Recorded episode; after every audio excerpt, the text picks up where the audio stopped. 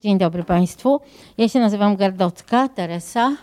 Jestem prawnikiem y, ze specjalnością, doktorem habilitowanym, ze specjalnością prawo karne i no, mam różne uboczne zainteresowania.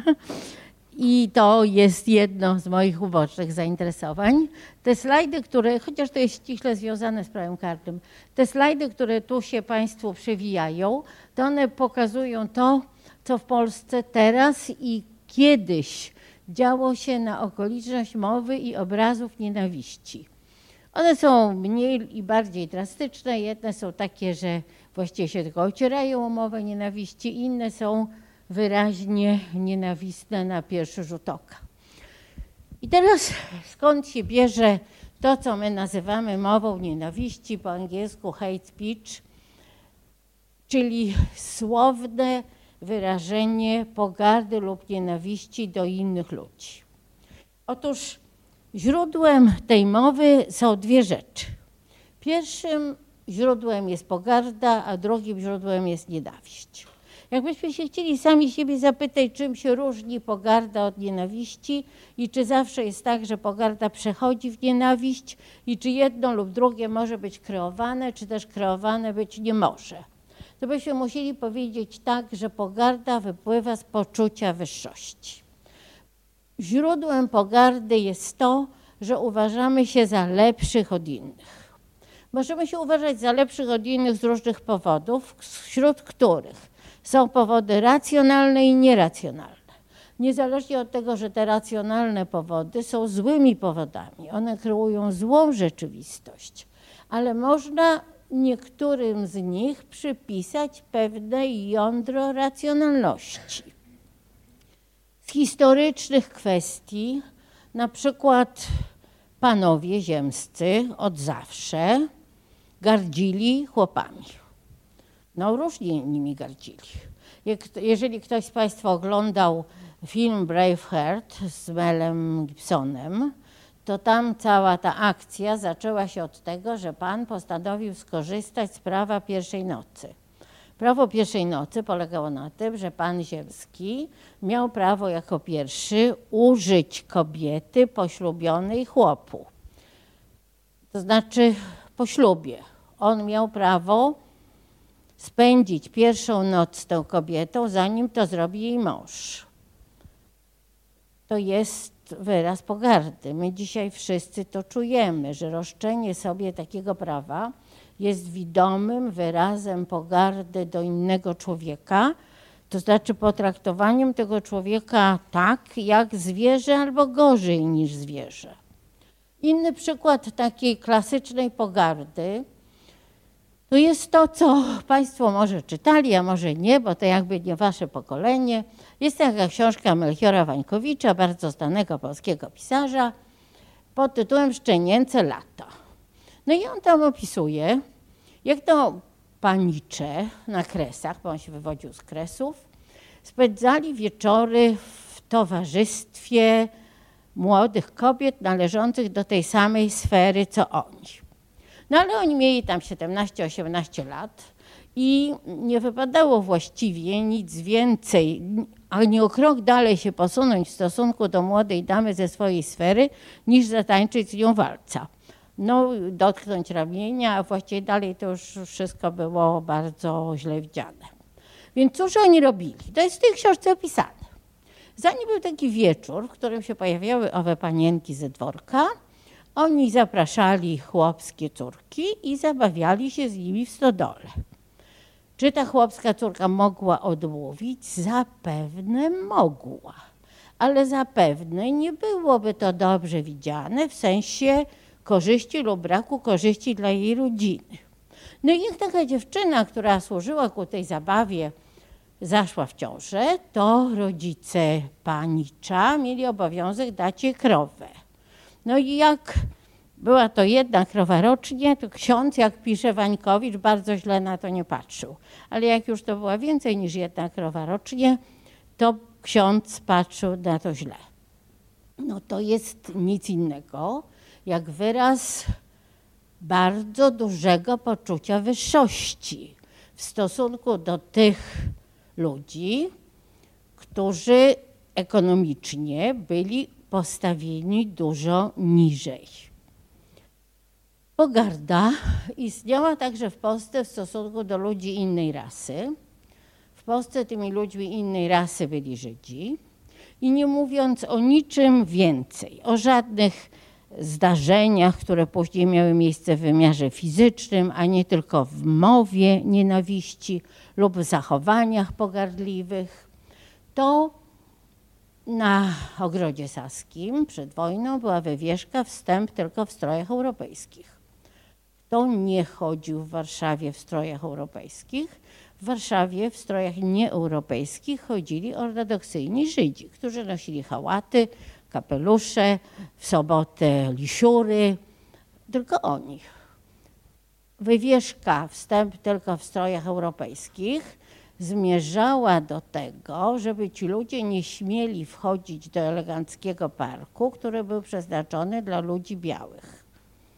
Czy ich wyrzucali? Z przekazów historycznych wynika, że nie, że ogłoszenie było, ale policjanci nie wyrzucali, jak ktoś w takim stroju do tego ogrodu wszedł. Ale to, że ogłoszenie było, jest rzeczą historycznie niewątpliwą.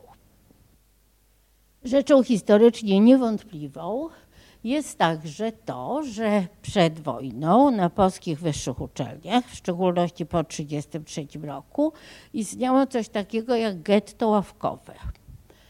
Proszę Państwa, laureat Nagrody Nobla Leon Hurwicz, który studiował w 1934 roku na Uniwersytecie Warszawskim, ma indeks do tej pory, który ma na pierwszej stronie fioletową pieczęć, miejsce w ławkach nieparzystych.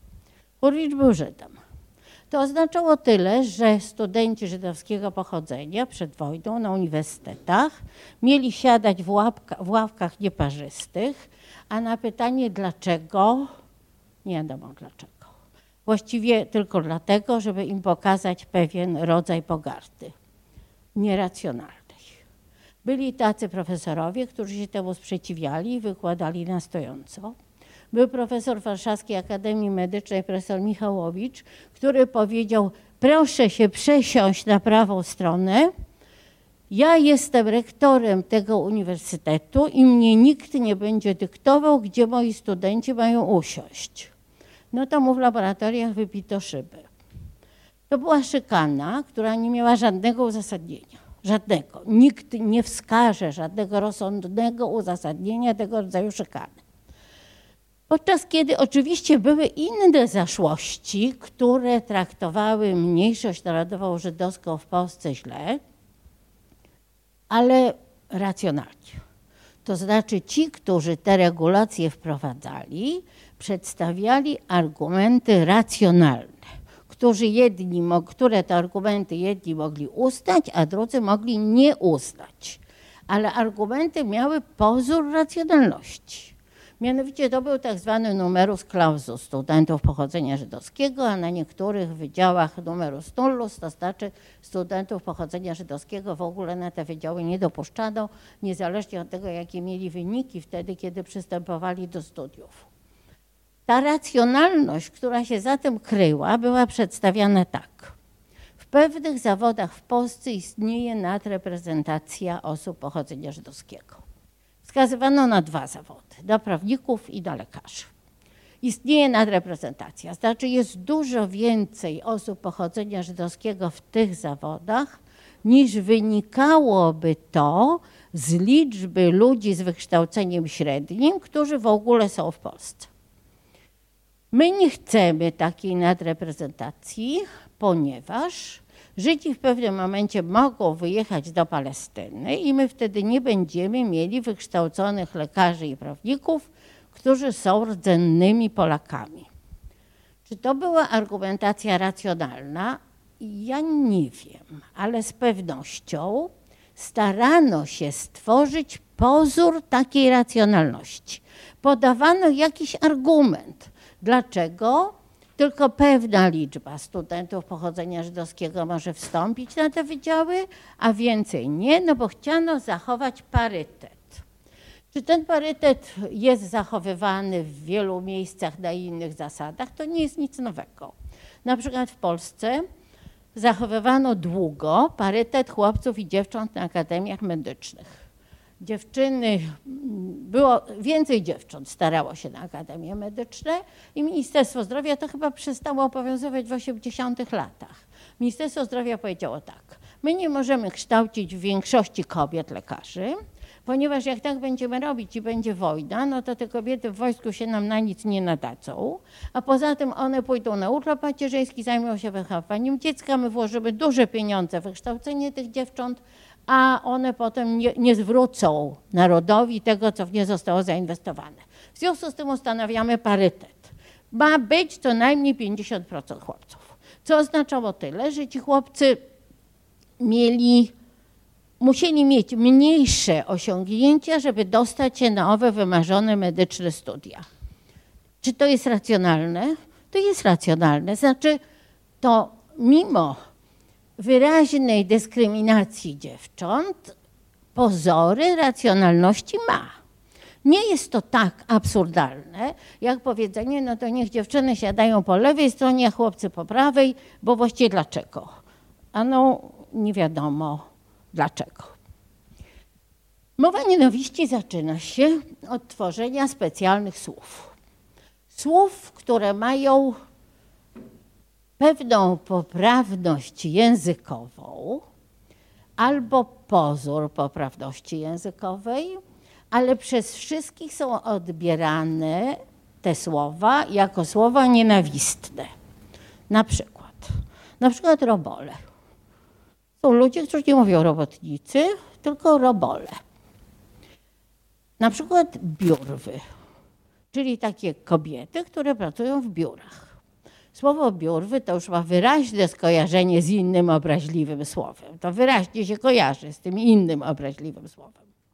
Mówimy, znaczy ja nie mówię, ale są ludzie, którzy mówią kibole na kibiców, kibiców, którzy zachowują się źle, ale czasem to się rozciąga także na takich, którzy się źle nie zachowują, tylko są kibicami innej drużyny niż przeciwnicy. Mówimy też katole na osoby, które demonstrują swoje wyznanie rzymskokatolickie. To są słowa utworzone jakby poprawnie. One z punktu widzenia językowego to są słowa, które nie brzmią dziwnie, ale ich wydźwięk jest wyraźnie nienawistny pogardliwy, nienawistny. No, wyraźnie nie są to słowa obojętne. Używa się w Polsce słowa siksa. Siksa to ma znaczyć taką dziewczynę, no taką jeszcze nie bardzo mądrą, nie bardzo ukształtowaną, taką nastolatkę, która się zachowuje niestosownie w różnych miejscach. Otóż słowo siksa, która ma, ma u Polaków, którzy tego słowa używają, wydźwięk wyraźnie pejoratywny, pochodzi z innego języka. To jest słowo z jidysz i w języku jidysz sikse znaczy po prostu młoda dziewczyna. To nie ma żadnego pejoratywnego wydźwięku. My tego używamy jako słowa mającego wydźwięk pejoratywny.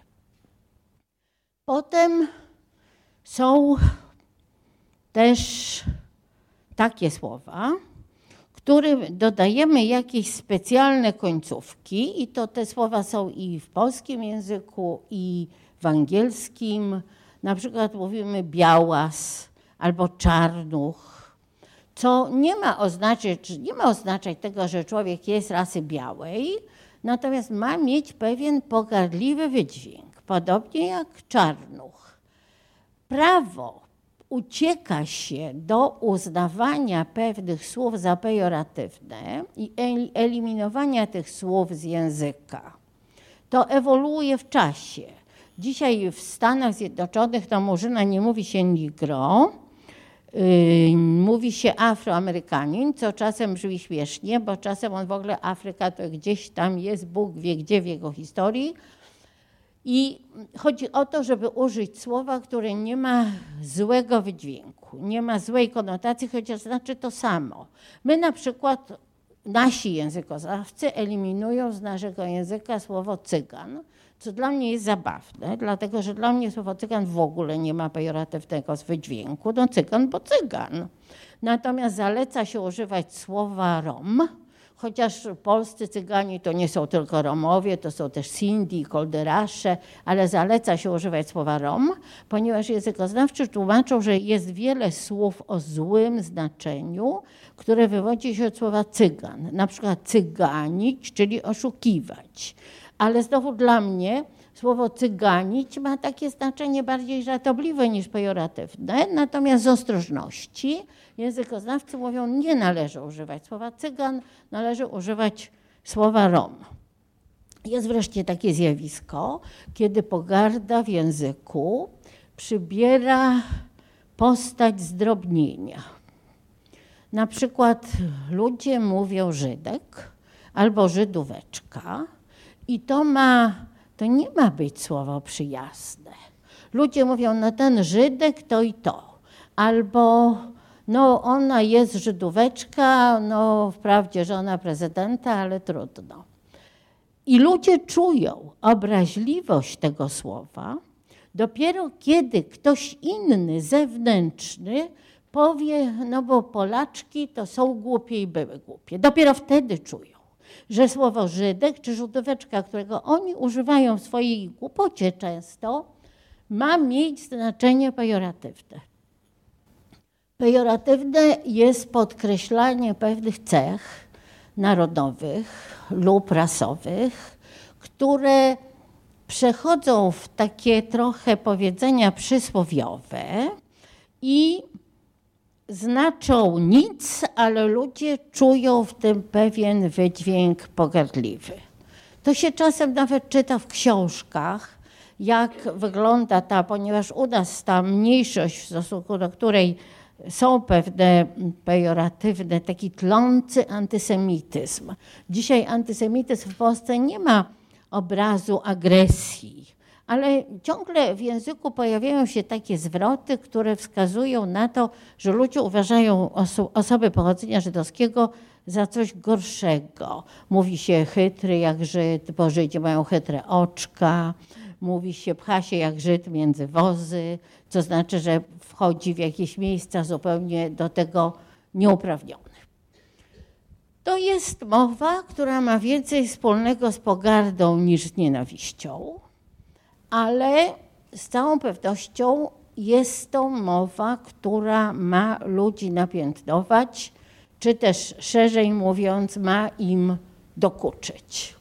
I teraz, czy pogarda przemienia się samoistnie w nienawiść, lub czy ją można w nienawiść przemienić, czy dzieje się tak zawsze, czy można dokonać pewnych zabiegów, żeby się tak działo, a jeżeli można dokonać pewnych zabiegów, to jakich zabiegów można dokonać? I otóż przemienianie się pogardy, czyli czegoś, co wynika z naszego poczucia wyższości w stosunku do tych, którym pogardzamy, w nienawiść może być dokonywane przez świadome zabiegi władzy, chociaż samoistna przemiana pogardy w nienawiść zdarza się rzadko. Jakie to są te specjalne zabiegi władzy? My mamy w Polsce taki jeden przykład takiego zabiegu władzy, który próbował zohydzić Polakom żołnierzy AK. Teraz mamy zupełnie przeciwny obraz, to znaczy dzisiaj celem politycznym jest takie ukształtowanie narodowego podejścia do żołnierzy AK, jakby to byli najwięksi bohaterowie czasu wojny. To niewątpliwie byli bohaterowie, niewątpliwie, ale dzisiaj to kształtowanie jest takie, że chcemy powiedzieć, to byli najwięksi bohaterowie czasu wojny. Podczas gdy zaraz po zakończeniu II wojny światowej, i tu są takie obrazki, mówiono, że żołnierze AK to przeważnie Niemcy, a jak nie Niemcy, to niemieccy szpiedzy, to ludzie, którzy się chcieli wzbogacić na Polakach i to ludzie, których celem było sprzedanie Polski. Komu, a nie mówiono komu ale starano się tak żołnierzy AK przedstawić. Są tu takie obrazki zaplotykarzy reakcji i podobne. To się nie udało. To się nie udało. Mimo tych wszystkich starań w Polsce nienawiści, pogardy, niechęci do żołnierzy AK po wojnie nie wykrzesano. Natomiast no, tak się stało w Niemczech. Tak się stało w Niemczech z Żydami. Wydano ustawy norymberskie, które to ustawy norymberskie były ustaw, ustawami o obywatelstwie Rzeszy. I tam było napisane, jakie prawa ma obywatel Rzeszy, co mu przysługuje, duma narodowa, to tamto, wam to i na końcu było napisane, Żyd nie jest obywatelem Rzeszy. Czy nie może być obywatelem Rzeszy. No i później szły, szły zatem różne inne zakazy małżeństw mieszanych, zakazy studiowania, zakazy poruszania się po mieście, a potem odbieranie im własności, a potem na końcu zabijanie tych ludzi, czego zwykli Niemcy do dziś po części mówią, że oni o tym nie wiedzieli. I zapewne nie wiedzieli, bo nie chcieli wiedzieć. Znaczy bardzo wielu z nich nie wiedziało, bo nie chciało wiedzieć, chociaż bardzo wiele rzeczy wskazywało na to, że z Żydami dzieje się coś złego. Niemcy mówili, no wywożą ich gdzieś tam, coś się tam z nimi dzieje. Ale nie było powszechnego potępienia dla tego zjawiska. Nie było. To zostało, społeczeństwo zostało wyedukowane, że Żydzi są czymś gorszym, przy użyciu różnych specjalnych zabiegów. Było takie czasopismo Die Stürmer, gdzie pokazywano rysunki Żydów takich okropnych, z takimi nosami i z, najczęściej z wszoł gdzieś na czole. Wywoływano do nich nienawiść.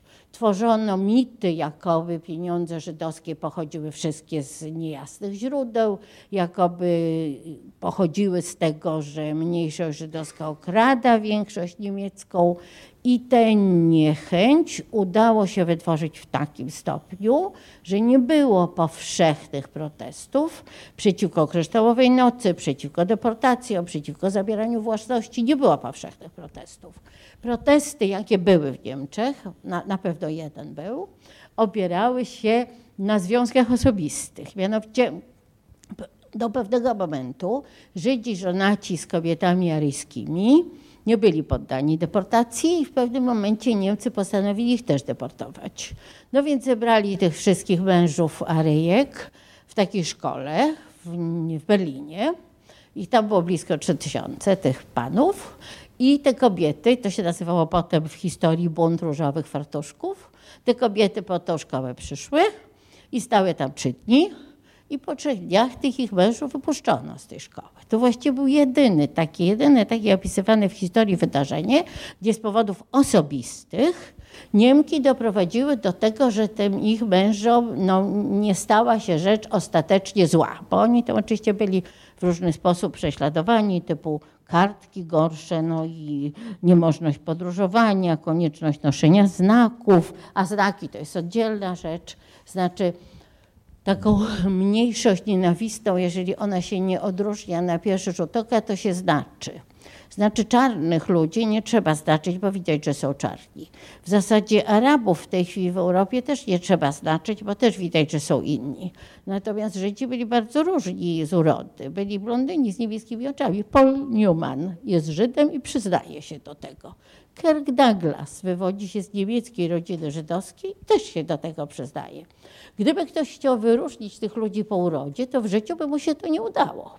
W związku z tym, żeby było łatwiej tę mniejszość zidentyfikować, to się ludzi znaczy. No każe się im nosić albo różową, albo żółtą gwiazdę, albo paskę z gwiazdą Dawida, albo cokolwiek.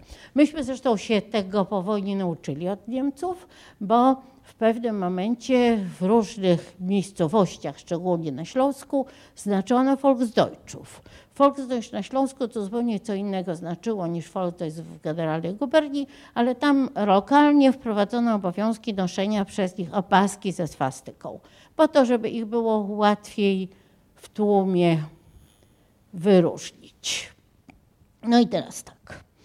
Taka mowa nienawiści, która zaczyna się od tego, że ludzie używają innych słów, tworzą słowa mające tych ludzi wyróżnić negatywnie, jest zakazana. Znaczy, jest zakazana i nie jest zakazana. Są ludzie, którzy udają, że nie potrafią określić czegoś jako mowy nienawiści. Są ludzie, którzy udają, że nie wiedzą, że to, z czym się spotykają, jest przejawem mowy nienawiści. W ostatnim czasie w Polsce, żeby, żeby dać Państwu taki jawny przykład czegoś takiego, zapytano o ten znak. Taki znak przypominający znak drogowy, on tu jest, z napisem zakaz pedałowania. To był znak, taki, który sobie takie ugrupowanie polityczne pod nazwą Narodowe Odrodzenie Polski. W 2011 roku chciało tego znaku używać jako własnego znaku identyfikującego to ugrupowanie i sąd, do którego to zostało zaskarżone jako naruszenie dóbr osobistych, zwrócił się do biegłego, rozumiecie, do biegłego, który to biegły miał sądowi odpowiedzieć, czy ten znak jest znakiem pogardliwym, napiętnującym, czy też nie jest znakiem pogardliwym i napiętnującym. No i otóż ten sąd otrzymał odbiegłego, odbiegłego taką mianowicie odpowiedź. Z treści znaku, który wykorzystuje strukturę i schemat znaku drogowego, wynika jedynie zakaz kontaktów homoseksualnych w miejscach publicznych, co jest zgodne z powszechnie przyjętą obyczajowością. Wszelkie próby doszukiwania się drugiego dna są dowodem przeczulenia. Znaczy ci ludzie, którzy uważają, że ten znak jest wyrazem pogardy, od tak po prostu są przeczuleni. To wprawdzie w drugiej instancji wszystko uległo zmianie, ale sama taka opinia biegłego, który napisze coś takiego do sądu, no wydaje się być haniebna. Przynajmniej dla mnie wydaje się być haniebna. Teraz, jeżeli mówimy, że mowa, ciągle mówimy o słowach, ciągle mówimy o słowach lub o gestach, które nie przynoszą żadnego więcej zła niż napiętnowanie. Bo to, że ci studenci mieli usiąść po lewej stronie, nie przynosiło im żadnego więcej zła niż pewnego rodzaju napiętnowanie. Oni mogli słuchać tego wykładu, nikt im nic złego nie robił. Więc ciągle mówiąc o słowach, to mówimy tak. We wszystkich cywilizowanych konstytucjach, a jak nie ma w jakimś państwie konstytucji, to w ustawach o randze konstytucyjnej jest sformułowana wolność słowa. Wolność słowa, czyli wolność głoszenia poglądów.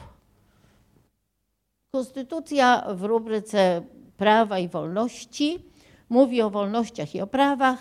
Wolność to jest coś takiego, czemu nie można przeszkadzać, a prawo to jest coś takiego, co trzeba zapewnić. Więc jak konstytucja poręcza prawo do nauki, to ma stworzyć takie warunki, żeby każdy człowiek w wieku szkolnym mógł się uczyć. Jak konstytucja przewiduje prawo do ochrony życia, to ma stworzyć takie warunki, żeby ludzie mogli się leczyć, żeby nie tracili życia z powodów, no, z których nie powinni umierać.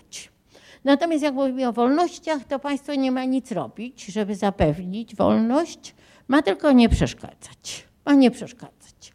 I taka wolność e, słowa, wolność wyrażania poglądów jest w polskiej konstytucji w artykule 54 chyba, czwartym jest napisane, każdemu zapewnia się wolność wyrażania swoich poglądów oraz pozyskiwania i rozpowszechnienia informacji.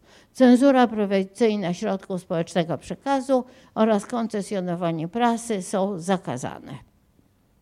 Ustawa może wprowadzić obowiązek uzyskania koncesji na prowadzenie stacji radiowej lub telewizyjnej.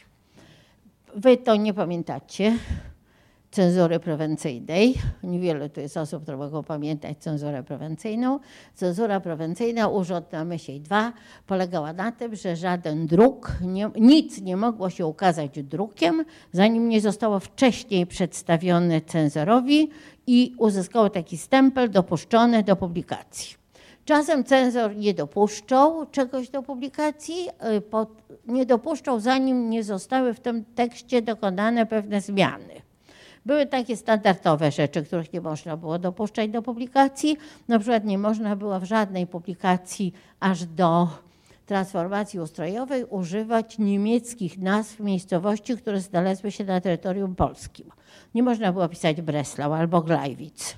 nawet wtedy, kiedy chodziło o rzecz historyczną. To znaczy nawet wtedy, kiedy moment opisywany w tym opisie tekstu, w tym tekście odnosił się do sytuacji, w której to miasto nosiło nazwę Breslau.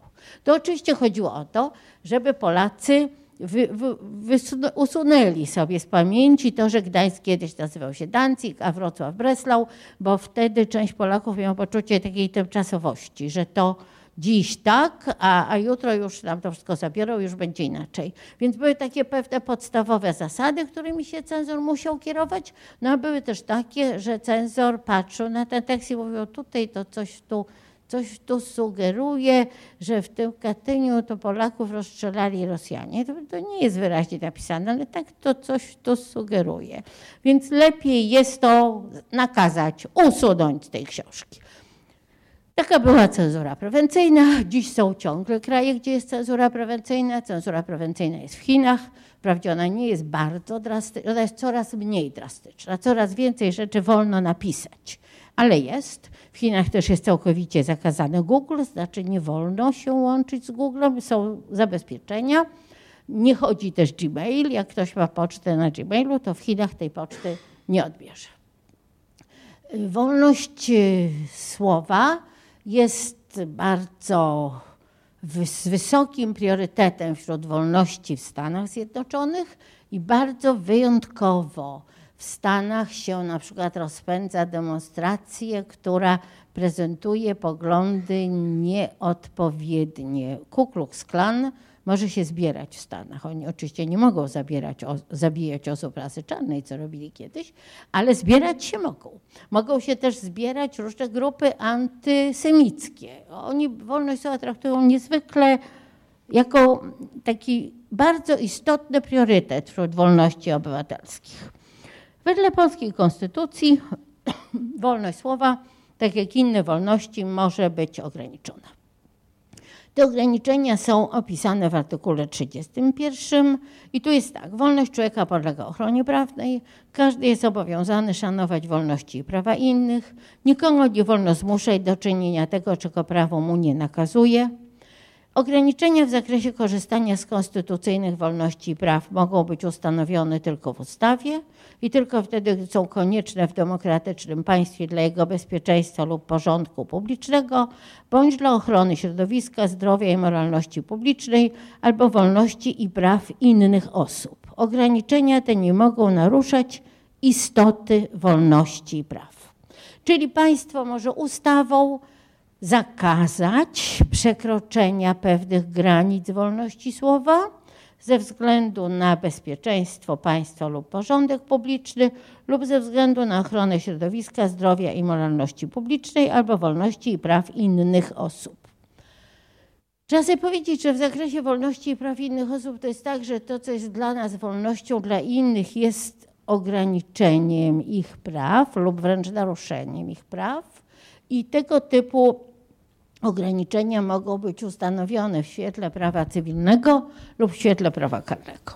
Jak jakieś ograniczenie jest ukształtowane prawdo cywilnie, to istotą prawa cywilnego jest to, że człowiek, którego prawo naruszono, musi się sam zająć jego ochroną.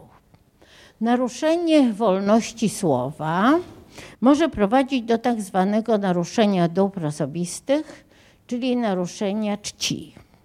I to naruszenie może mieć miejsce słowem lub też może mieć miejsce czynem. Może mieć miejsce słowem, jeżeli ktoś kogoś wezwie, no jakkolwiek wezwie, na przykład powie ty parszywy Żydzie, albo po prostu te Żydzie. I jest to oceniane nie według subiektywnego poczucia urażenia, tylko według kryteriów obiektywnych. To znaczy, obiektywnie sąd musi się zastanowić nad tym, czy to, co zostało powiedziane, jest czymś, co narusza dobro osobiste, czy też jest czymś, co nie narusza dóbr osobistych. Czasem to zależy od użytego słowa, czasem to zależy od takiego społecznego podejścia do tego, czy coś jest pogardliwe, czy nie jest pogardliwe. Na przykład, jeżeli powiemy na człowieka, który jest pochodzenia żydowskiego, ty Żydzie, to nie wydaje się to naruszać jego prawa osobiste, ale już na pewno jak powiemy ty parszywy Żydzie, to niewątpliwie to jego cześć i prawa osobiste narusza. Może to zdarzyć się także czynem. Znaczy, tu też są takie obrazki, w których mówi się, że mm, Cyganów nie obsługujemy, albo Romów nie obsługujemy, albo ludzie ze wschodu niech idą na wschód, tu ich nie obsługujemy. No niestety to się pojawia. Pojawia się mm, ostatnio, w zeszłym roku chyba, taki właściciel kawiarni w Poznaniu wywiesił takie ogłoszenie, Cyganów nie obsługujemy, czy Romów nie obsługujemy. W każdym razie dokładnie było wiadomo, o kogo chodzi. To jest oczywiście naruszenie dóbr osobistych, ponieważ istotą polskiego prawa jest zakaz dyskryminacji, czyli wszyscy mają być traktowani tak samo. Wszyscy mają być traktowani równo, może nie tak samo, ponieważ zróżnicowanie może nastąpić ze względu na pewne wyróżniające cechy grupy. Na przykład nie jest dyskryminacją, jeżeli do pewnych lokali nie będziemy wpuszczać ludzi poniżej 18 lat. To nie jest dyskryminacją, to ma oczywiste uzasadnienie, dlaczego tak robimy. Nie jest dyskryminacją, że na poranne seansie w kinie nie wpuszczamy ludzi albo kontrolujemy ludzi, którzy wyglądają jak uczniowie, a powinni być w szkole, a są na wagarach. Znaczy, dyskryminacja, nie, antydyskryminacja nie zakłada niemożliwości jakiegokolwiek odróżnienia. Wolno ludzi różnicować, byleby to różnicowanie miało racjonalne podstawy. Wtedy, kiedy takich racjonalnych podstaw nie ma, jest dyskryminacją. Objawy dyskryminacji w stosunku do konkretnego człowieka są naruszeniem jego praw osobistych i mogą być skarżone na drodze procesu cywilnego. Tak zwane naruszenie dóbr osobistych może stać się podstawą dochodzenia ochrony na drodze procesu cywilnego. Mówimy o zakresie wolności słowa, bo oczywiście ochronie na gruncie procesu cywilnego podlegają także inne rzeczy, na przykład prawo do wizerunku. Ktoś użyje naszego wizerunku gdzieś, chociaż myśmy mu na to nie pozwolili. Te prawa osobiste, w skład pojęcia prawa osobiste wchodzą różne rzeczy i naruszenie, między innymi jest to naruszenie czci w postaci słownej. I to dotyczy sytuacji, w której to naruszenie ma postać pewnego rodzaju obrazy uczuć. Dobro osobiste chronione są także na gruncie prawa karnego i podstawowa różnica jest taka, że na gruncie prawa karnego ochronę zapewnia państwo. To znaczy, tak jak na gruncie prawa cywilnego powstały stosunek jest stosunkiem między jednym człowiekiem a drugim człowiekiem, jednym, który się domaga ochrony prawa, a drugim, który to jego prawo naruszył, na przykład dobro osobiste, a sąd rozsądza te kwestie. Tak stosunek, jaki powstaje na gruncie prawa karnego, jest stosunkiem między człowiekiem a państwem. To znaczy, jeżeli coś ma postać przestępstwa, to ściga to państwo. Państwo bierze na siebie odpowiedzialność za to, że osobę, która w taki sposób prawa naruszyła, ukaże. I w polskim kodeksie karnym są przepisy dotyczące naruszenia dóbr indywidualnie lub też naruszenia dóbr z powodu przynależności do grupy. Te dwa naruszenia dóbr, które mają charakter indywidualny, to jest zniewaga i zniesławienie. Zniewaga i zniesławienie. Zniewaga to jest w kodeksie karnym artykuł 216. Kto znieważa inne osoby w jej, w jej obecności albo choćby pod jej nieobecność, lecz publicznie, albo w zamiarze, żeby zniewaga do osoby tej dotarła. Pytanie, to jest przestępstwo, to jest przestępstwo.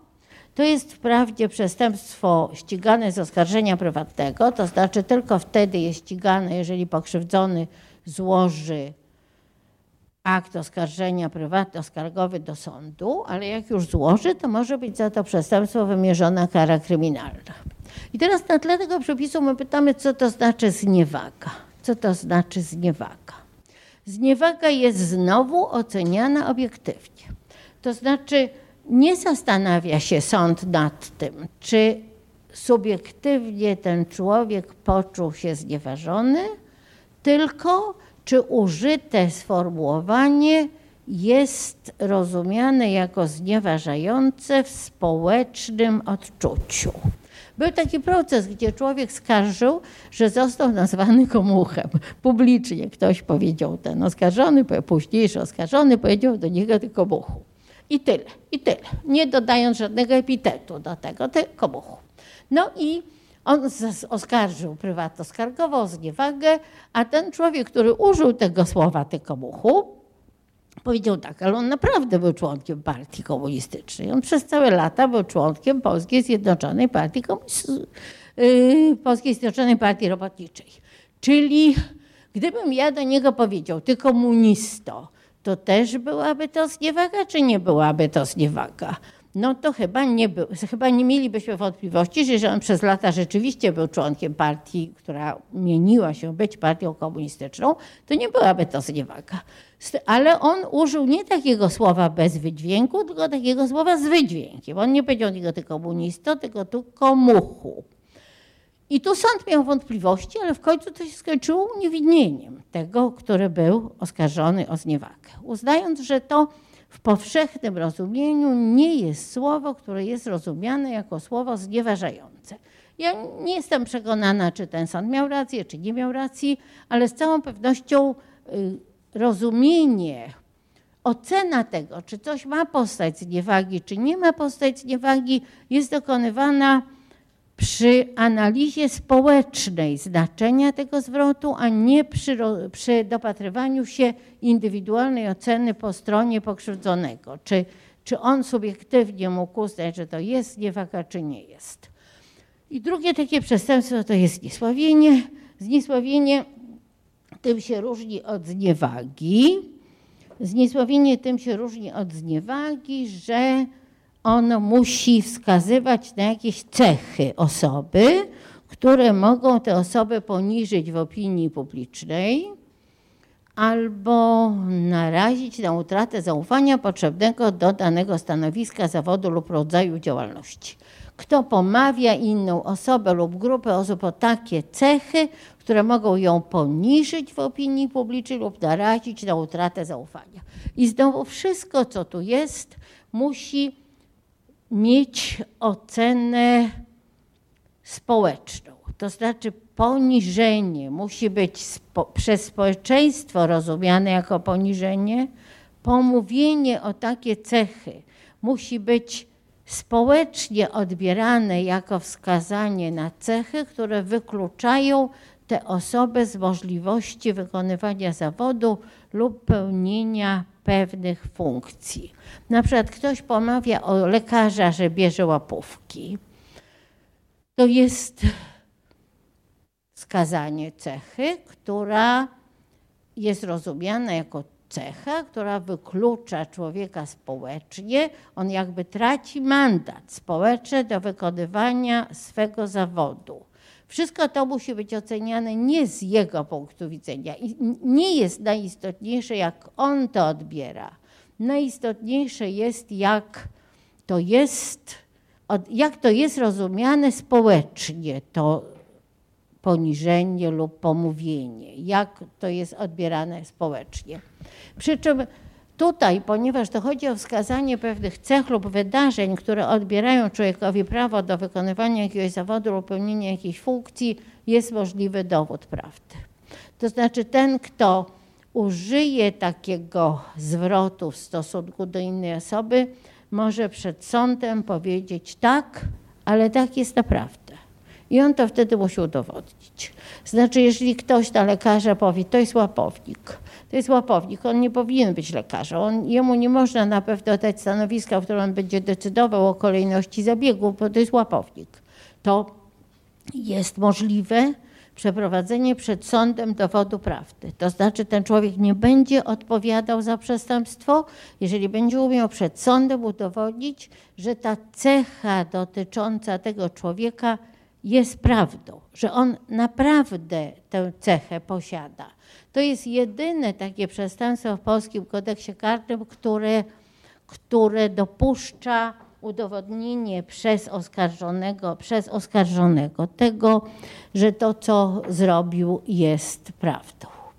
No i są wreszcie takie przestępstwa, które każą zasianie nienawiści w związku z pewnymi cechami, które osoba posiada. Mianowicie to jest przede wszystkim artykuł 257 kodeksu karnego, gdzie jest napisane, kto publicznie znieważa grupę ludności albo poszczególną osobę z powodu jej przynależności narodowej, etnicznej, rasowej, wyznaniowej albo z powodu jej bezwyznaniowości lub z takich powodów narusza nietykalność cielesną innej osoby. To jest przestępstwo publiczno-skargowe. Znaczy tu ci pokrzywdzeni nie muszą się zwracać z aktem oskarżenia do sądu, musi to zrobić prokurator. Powody, dla których zniewaga dotycząca osoby lub grupy staje się przestępstwem publiczno-skargowym są następujące. Ktoś musi znieważać tę osobę lub grupę z powodu przynależności narodowej, wy Ukraińcy, etnicznej, rasowej, wyznaniowej lub z powodu jej bezwyznaniowości. Teraz powiedzmy sobie, co to znaczy przynależność narodowa lub przynależność etniczna. To jest bardzo subtelna kwestia. To znaczy, jakby ktoś chciał komuś powiedzieć, ty Ślązaku, wyobraźmy sobie, i na tej podstawie wyrazić w stosunku do niego pogardę, to byłaby to przynależność etniczna. Jak ktoś chciałby powiedzieć, ty Żydzie, to do 1948 roku była to przynależność etniczna, a od 1948 roku jest to przynależność narodowa. Te pojęcia etniczny i narodowy, niezależnie od tego, jak są rozumiane potocznie. Potocznie ta granica jest niezwykle cienka. Są zdefiniowane w ustawie o mniejszościach narodowych, gdzie mówi się, że mniejszość narodowa to jest taka mniejszość zamieszkująca terytorium polskie, która reprezentuje część narodu mającego państwo gdzie indziej. Czyli Ukraińcy zamieszkali w Polsce, to jest mniejszość narodowa. A Tatarzy zamieszkali w Polsce, to jest mniejszość etniczna, ponieważ nie ma żadnego państwa tatarskiego. Ponieważ państwo Izrael jako państwo żydowskie powstało w 1948, w 1948 roku z brytyjskiego protektoratu na terenie Palestyny, to od 1948 roku Żydzi są mniejszością narodową, a nie etniczną. To jest rozróżnienie definicyjne. definicyjne. To rozróżnienie odwołuje się znowu do pojęcia narodu, który może być narodem etnicznym lub narodem politycznym. Na przykład jak my mówimy o narodzie amerykańskim, to to jest naród polityczny, ponieważ etnicznie to oni się niezwykle od siebie różnią.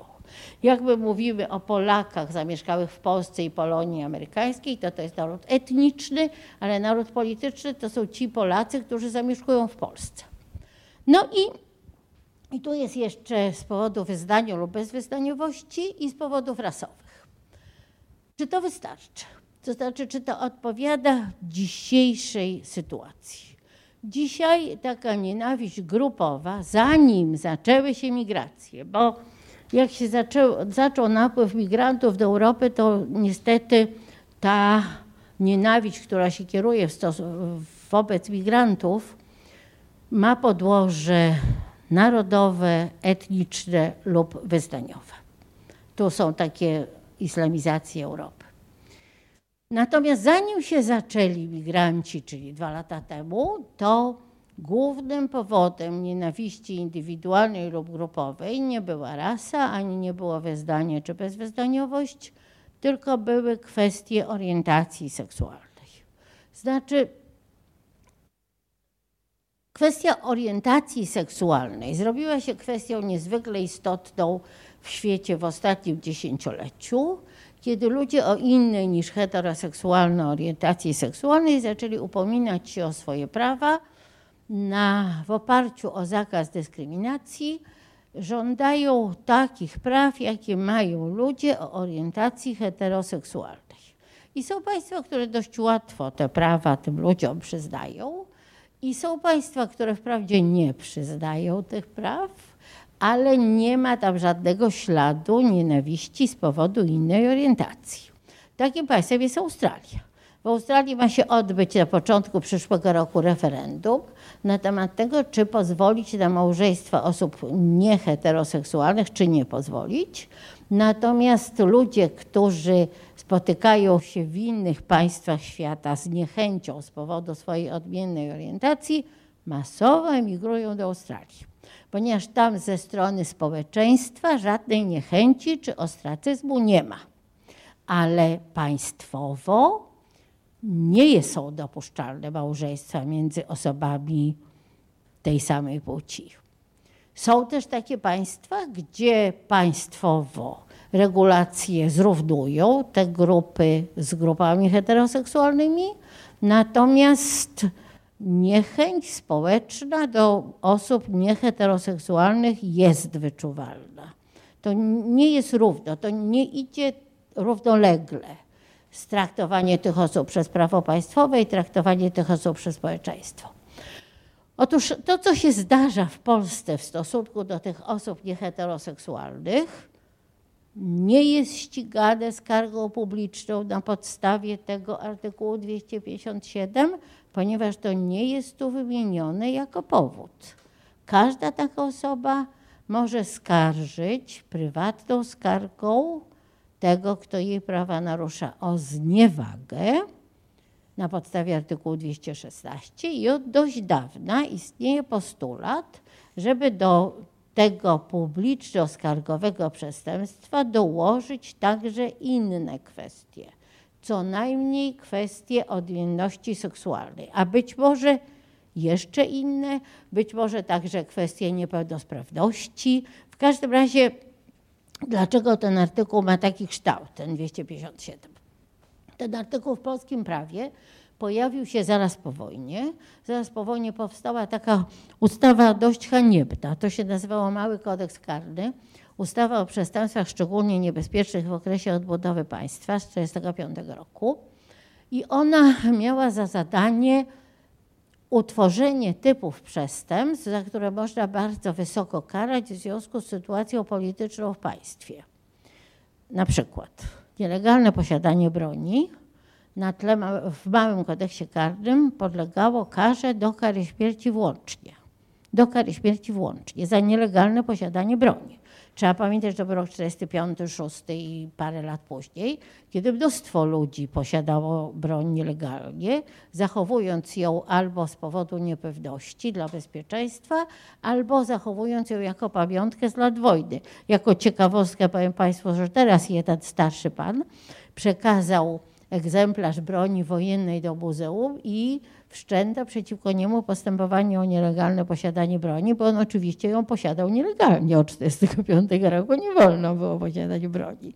No, to postępowanie umorzono, powołując się na znikomą społeczną szkodliwość. I szybko umorzono, bo gdyby to dłużej toczono, to trzeba byłoby powiedzieć, że to jest jakaś hańba, ale to szybko umorzono. Natomiast czy podstawy do wszczęcia postępowania były? No teoretyczne były. Jak się pytano wtedy, dlaczego właściwie za nielegalne posiadanie broni można wymierzyć karę do kary śmierci włącznie, to ludzie, którzy dobrze się zdają na prawie karnym, mówili tak, bo za zamach na władzę ludową groziła kara do kary śmierci włącznie. Jak nie można było udowodnić zamachu, to za przynależność do Związku Zbrojnego też groziła kara do kary śmierci włącznie. Jak nie można było udowodnić przynależności do Związku Zbrojnego, to za samo posiadanie broni też groziła kara do kary śmierci włącznie. No jak nie można było udowodnić posiadania broni, to można było, proszę Państwa, broń podrzucić. Broń nie jest rzeczą dużą i podrzucić ją jest dość łatwo. Więc te drastyczne kary za te przestępstwa przeciwko państwu miały swoje mniemaniu ówczesnej władzy uzasadnienie racjonalne. To nie była żadna fantazja. Oni wiedzieli, co chcą zrobić. No i umieszczenie w Małym Kodeksie Karnym tego przepisu spowodowane było no, tym, jak Polacy traktowali powracających po II wojnie światowej Żydów. No, traktowali źle. Traktowali źle. Traktowali źle, znaczy, to też nie wszyscy traktowali źle, ale niektórzy traktowali źle. Niektórzy traktowali źle, bo, bo mieli mm, poglądy antysemickie od zawsze. Inni traktowali źle, bo, bo ci Żydzi wracali chcieli odzyskać własność. Polacy mieszkali w jakimś domu, który przedtem był domem żydowskim, a teraz oni tu mieszkali. Polacy uprawiali jakąś ziemię, która kiedyś była ziemią stanowiącą własność Żydów. No, trudno właściwie nie wyobrażać sobie, że niechęć do tych powracających będzie istotna. No i wówczas umieszczono ten przepis, który głównie, głównie miał chronić Żydów. Kto publicznie znieważa grupę albo poszczególną osobę z powodu jej przynależności rasowej, etni narodowej, etnicznej, rasowej, wyznaniowej lub z powodu jej bez, bezwyznaniowości. I ta bezwyznaniowość też się dlatego tu pojawiła, ponieważ państwo ludowe na początku swego istnienia, no wzorem Rosji radzieckiej, wyraźnie zmierzało do tego, żeby uznać religię za takie opium dla ludu, jak mówiono. To znaczy no, za coś, co nie ma żadnych racjonalnych podstaw, natomiast kształtuje moralność nie zawsze w sposób pożądany przez nową władzę. Więc stąd tu się też wzięła ta wyznaniowość i bezwyznaniowość, bo ludzie wówczas bezwyznaniowi kojarzeni byli z Rosjanami. To, to nie zawsze się to pokrywało, ale takie było powszechne skojarzenie. No, jak on nie chodzi do kościoła, no to ruski jakiś i była do tej grupy wyraźna niechęć. I tego 1945 roku to ta zniewaga grupy ludności istnieje i i mimo, że wyraźnie się mówi, żeby to zmienić, to znaczy, żeby zmienić to w kierunku rozszerzenia podstaw zniewagi, zniewagi z określonych przyczyn.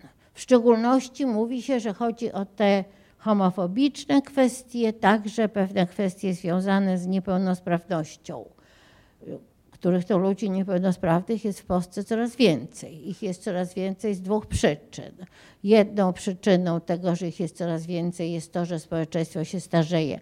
No niestety ze starością związane są pewne niepełnosprawności.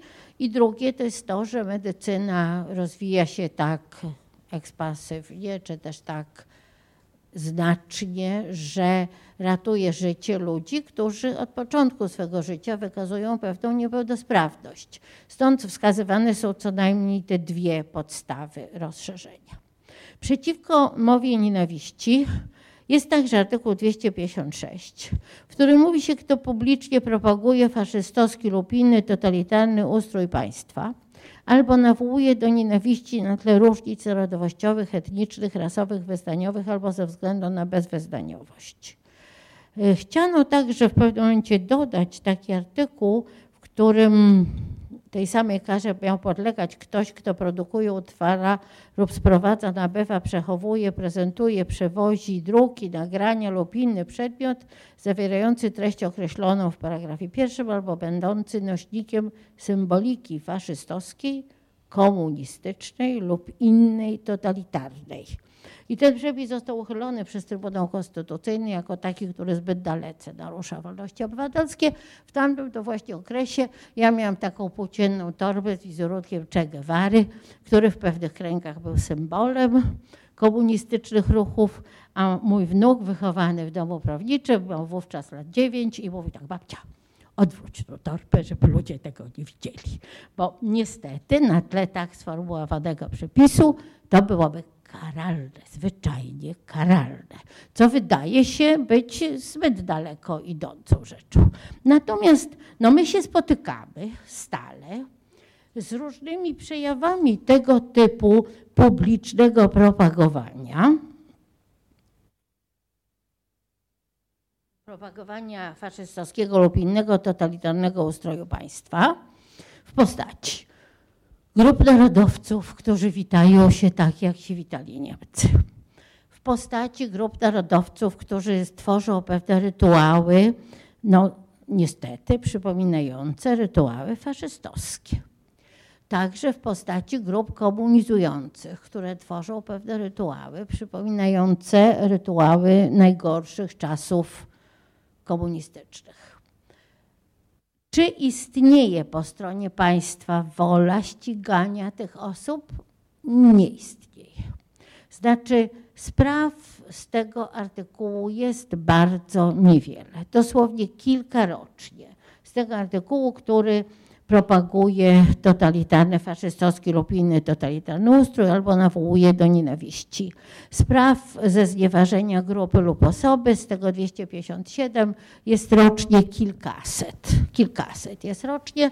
Głównie no, dotyczy to ciągle odnoszenia się do Żydów, Cyganów, kolorowych, a ostatnio do osób pochodzenia arabskiego. I teraz tak. Ponieważ ta sytuacja, ta kwestia mowy nienawiści stała się w ostatnim czasie bardzo aktualna politycznie. Ona się stała bardzo aktualna, ponieważ no, są ludzie, którzy mówią, że uchodźców trzeba tu do tego kraju wpuszczać i zajmować się nimi, i są ludzie, którzy mówią, że uchodźców nie należy wpuszczać, nie zajmować się nimi, wszystkich ich cofnąć tam, skąd przyszli. To jest kwestia poglądów.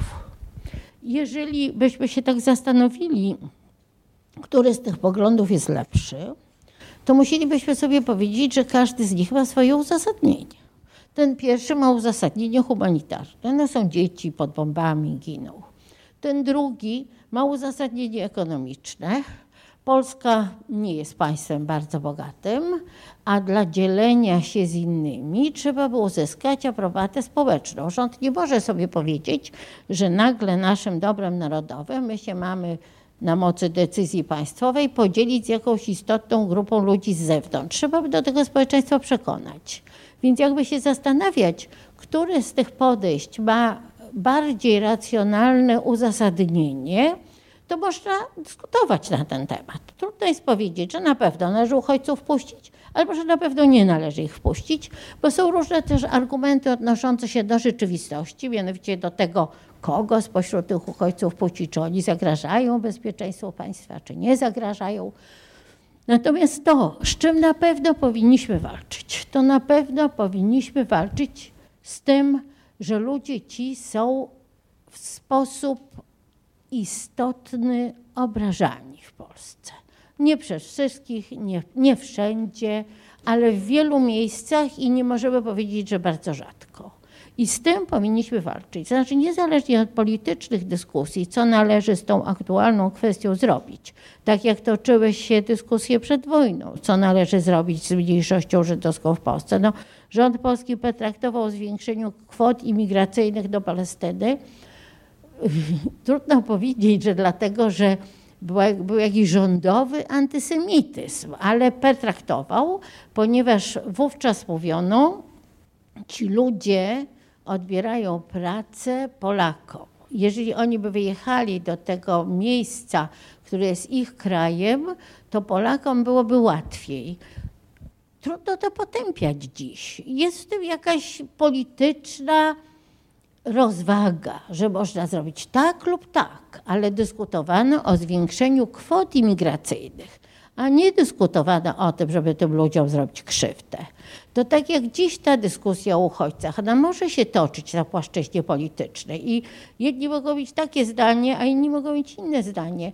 Też zdanie o tym, że oblicze Europy z powodu istotnego napływu ludzi wyznania muzułmańskiego się zmienia. No zmienia się. Proszę Państwa, w Niemczech, w niektórych landach, w gimnazjach jest 30% dzieci pochodzenia tureckiego. 30%. które wprawdzie mówią po niemiecku, bo one się już w dużej części urodziły w Niemczech.